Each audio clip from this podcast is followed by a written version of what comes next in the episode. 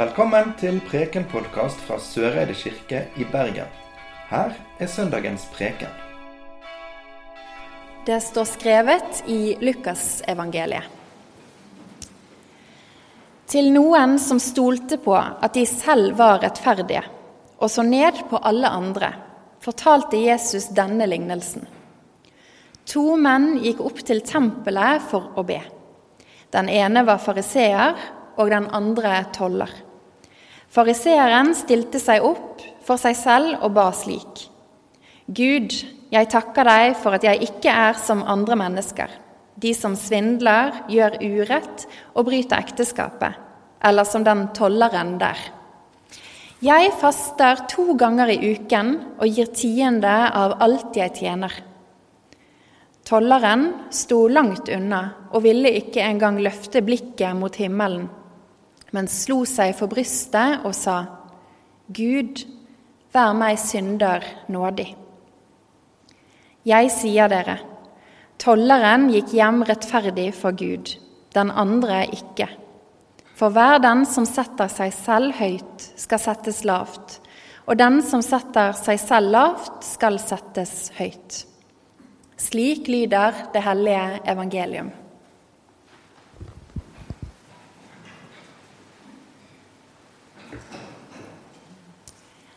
Dette er livet. Jeg tror ikke jeg var så veldig gamle jenten første gang jeg tok de ordene i munnen min og lente meg fornøyd tilbake.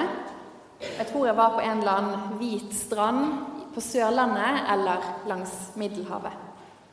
Da hadde jeg det godt. Ingen bekymringer og fullstendig Hakuna Matata-stemning. Jeg må jo ha lært det et sted. Å lene meg tilbake og uttrykke ordene 'Dette er livet'. Og at jeg gjorde det når jeg virkelig kosa meg. Og det er jo sant. Det er livet. Men det er ikke hele livet. For livet, det er jo like mye, og kanskje enda mer, alle dagene og øyeblikket uten den kosen. Den helt alminnelige hverdagen med prestasjonsjaget etter å ha det så himla bra hele tiden, akkurat her og nå. Eller i det minste i nærmeste framtid, aller helst allerede i morgen. I utlandet så ler jo mange av oss nordmenn og måten vi skal ha det så utrolig koselig på. Jeg vet ikke om dere har tenkt over det, men det skjer noe helt spesielt med oss nordmenn hver eneste høst. I en skala som overgår alle andre. For her skal det altså koses så inderlig. Stearinlysene skal tennes og brennes. Teen skal kokes og slurpende inntas fra sånne enorme kopper. Og vi skal lulle oss inn i et pledd, for så å legge oss godt til rette på sofaen, for så å stirre apatisk inn i en TV-skjerm. Det er koselig, det. Det er livet. Nei, livet, det må vi snart begynne å snakke sant om. For livet, det er vanskelig. Det er veldig mye flott i livet, det er ikke det. Men vi må få lov til å stoppe opp og erkjenne at livet, det er vanskelig. For det er mye som ikke går bra, som ikke ble sånn som vi hadde tenkt. Vi lever livene våre i en verden som er vanskelig. Og det vanskelige det blir fort noe som vi bare skal komme oss igjennom for å få det så veldig godt og bra igjen.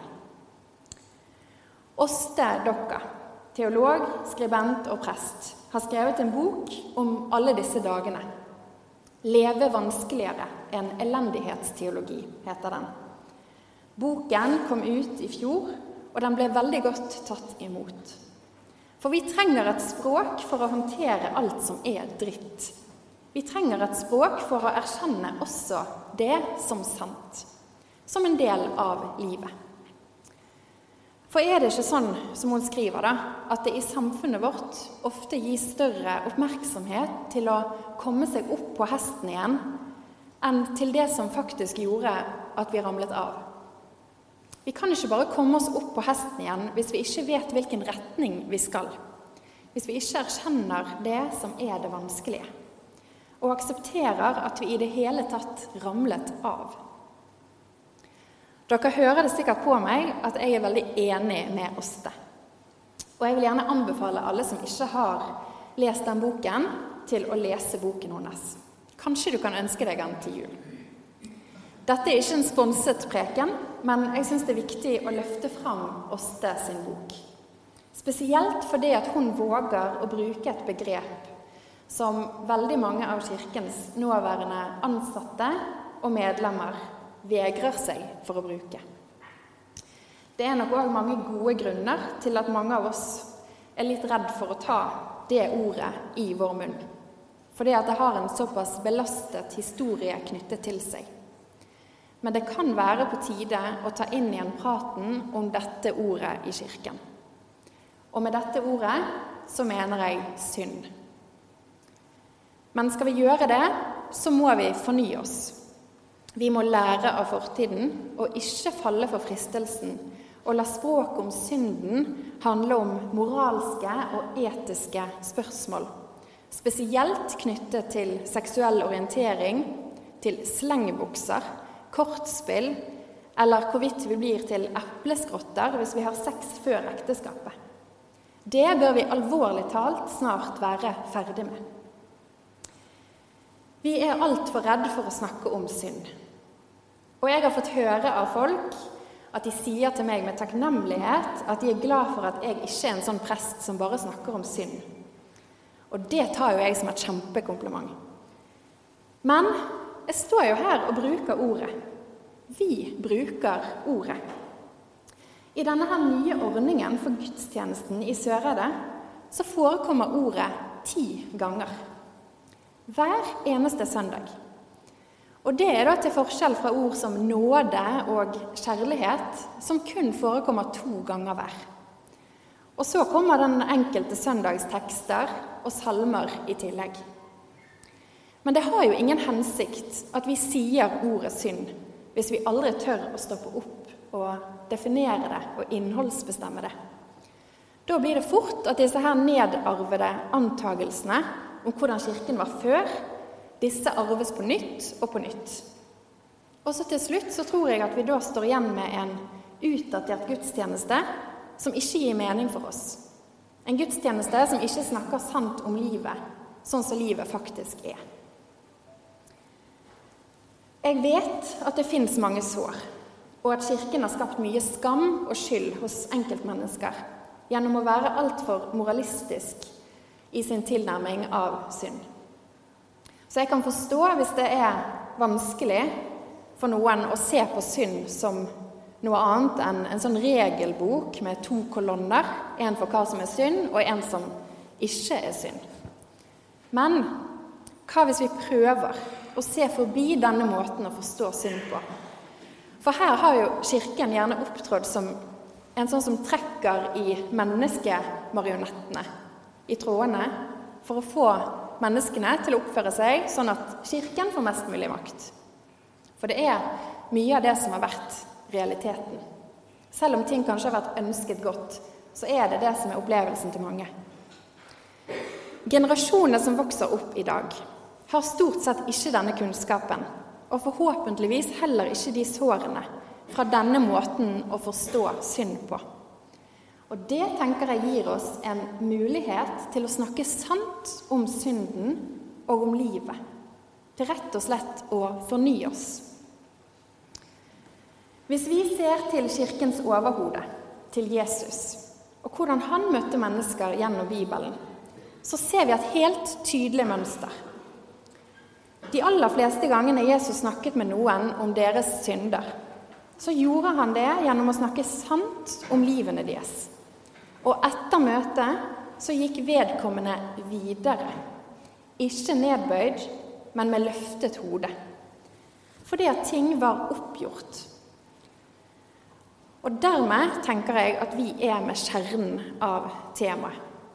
Det er ingenting som kan holde et menneske nede som det uoppgjort synd kan. Og hvis vi ikke har språk for det som er dritt, så er det veldig vanskelig å komme seg videre. Nå har jeg sagt ordet synd ganske mange ganger. Og det er mange som har prøvd å definere synsbegrepet. Nå skal jeg ta dere gjennom noen av de. En studiekamerat pleier å si at synd det er noe som binder. Og det passer jo godt til den opprinnelige betydningen av ordet 'frelse', som betyr fri hals, der halsbåndet løsnes opp og fjernes, sånn som slavene opplevde da de ble fri. Martin Luther han beskriver ur- eller arvesynden som at mennesket er innkrøket i seg sjøl. Altså at mennesket vender seg innover mot seg sjøl framfor ut mot andre, mot Gud. Og Denne beskrivelsen av synd den henger jo tett sammen med Luther sin egen erfaring. Han gikk fra å bygge sin egen frelse gjennom asketiske handlinger som munk, til at hendene hans ble fri til å tjene andre. Han innså at uansett hvor mye han gjorde, så var frelsen opp til Gud. Og for han ble det frigjørende å erkjenne dette. At synd er når mennesket er innkrøkt i seg sjøl. En av mine professorer på MF, Marion Grau, hun bruker klimakrisen for å forklare arvesynd. At menneskeheten har arvet et kjempeproblem som vi ikke ser ut til å komme oss ut av. Dette får enorme implikasjoner for hele skaperverket. Urettferdighet og ødeleggelse som skjedde i generasjoner før oss, det preger oss her og nå. Vi vet jo at traumer de går over generasjoners grenser. Fortellinger, følelser og minner de blir ikke bare borte. De preger relasjonene våre og kroppene våre. Rasisme, antisemittisme og minner om folkemord og krig de blir med oss videre. Og når dette ties om, så gis det veldig lite handlingsrom. Vi kan fornekte, vi kan tie, men før eller siden så dukker det opp. Marion hun skriver at hvis vi skal forkynne en frelse, dvs. Si en frigjøring fra disse sammenhengene, så må vi snakke sant om sammenhengene i denne verden. For hver dag så ser jo vi følgene av felles globale grenseoverskridelser som utnytter mennesker og dyr. For ikke å snakke om vann, jord, luft og ild. Vi setter fyr på jorden. Verden står bokstavelig talt i brann. Og på mange måter så dyrker vi oljen mer enn det vi dyrker den salvede. Og vi må erkjenne at vi er en del av skapelsen. For hvis vi ødelegger skapelsen, så ødelegger vi oss sjøl. Jeg syns at Marion har et poeng når hun skriver følgende. Hvis det er så viktig å beskytte heterofamilien, og seksuelle relasjoner skal være kun legitim hvis de kan få fram den neste generasjon av jordboere, hvorfor er så mange konservative kristne så mye mer opptatt av å ødelegge homofiles lykke enn for menneskehetens framtid? Jeg har aldri skjønt det. Tilbake til ostedokka. Hun setter fullkommenhetsidealet og synden opp mot hverandre. Og dette er den siste synsdefinisjonen eh, jeg skal lese opp i dag. Hun skriver hvis fullkommenhet på alle livets områder er vårt ideal, er synd ordet for at idealet aldri nås, av at uansett hvor mye vi strever, kommer vi ikke til å eliminere kløften til paradis. Jeg leser det en gang til.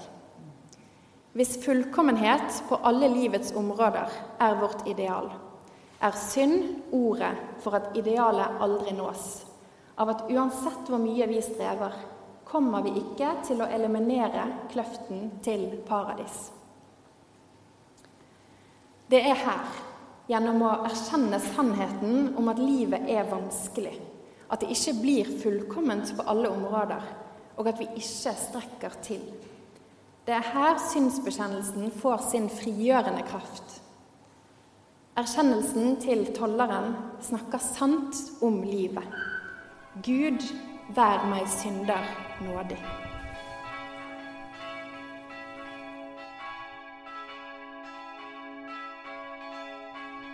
Du har nå hørt Preken podkast fra Søreide kirke i Bergen. Følg oss gjerne på Facebook og Instagram, eller gå inn på vår nettside kirken.no soreide. Takk for at du hørte på.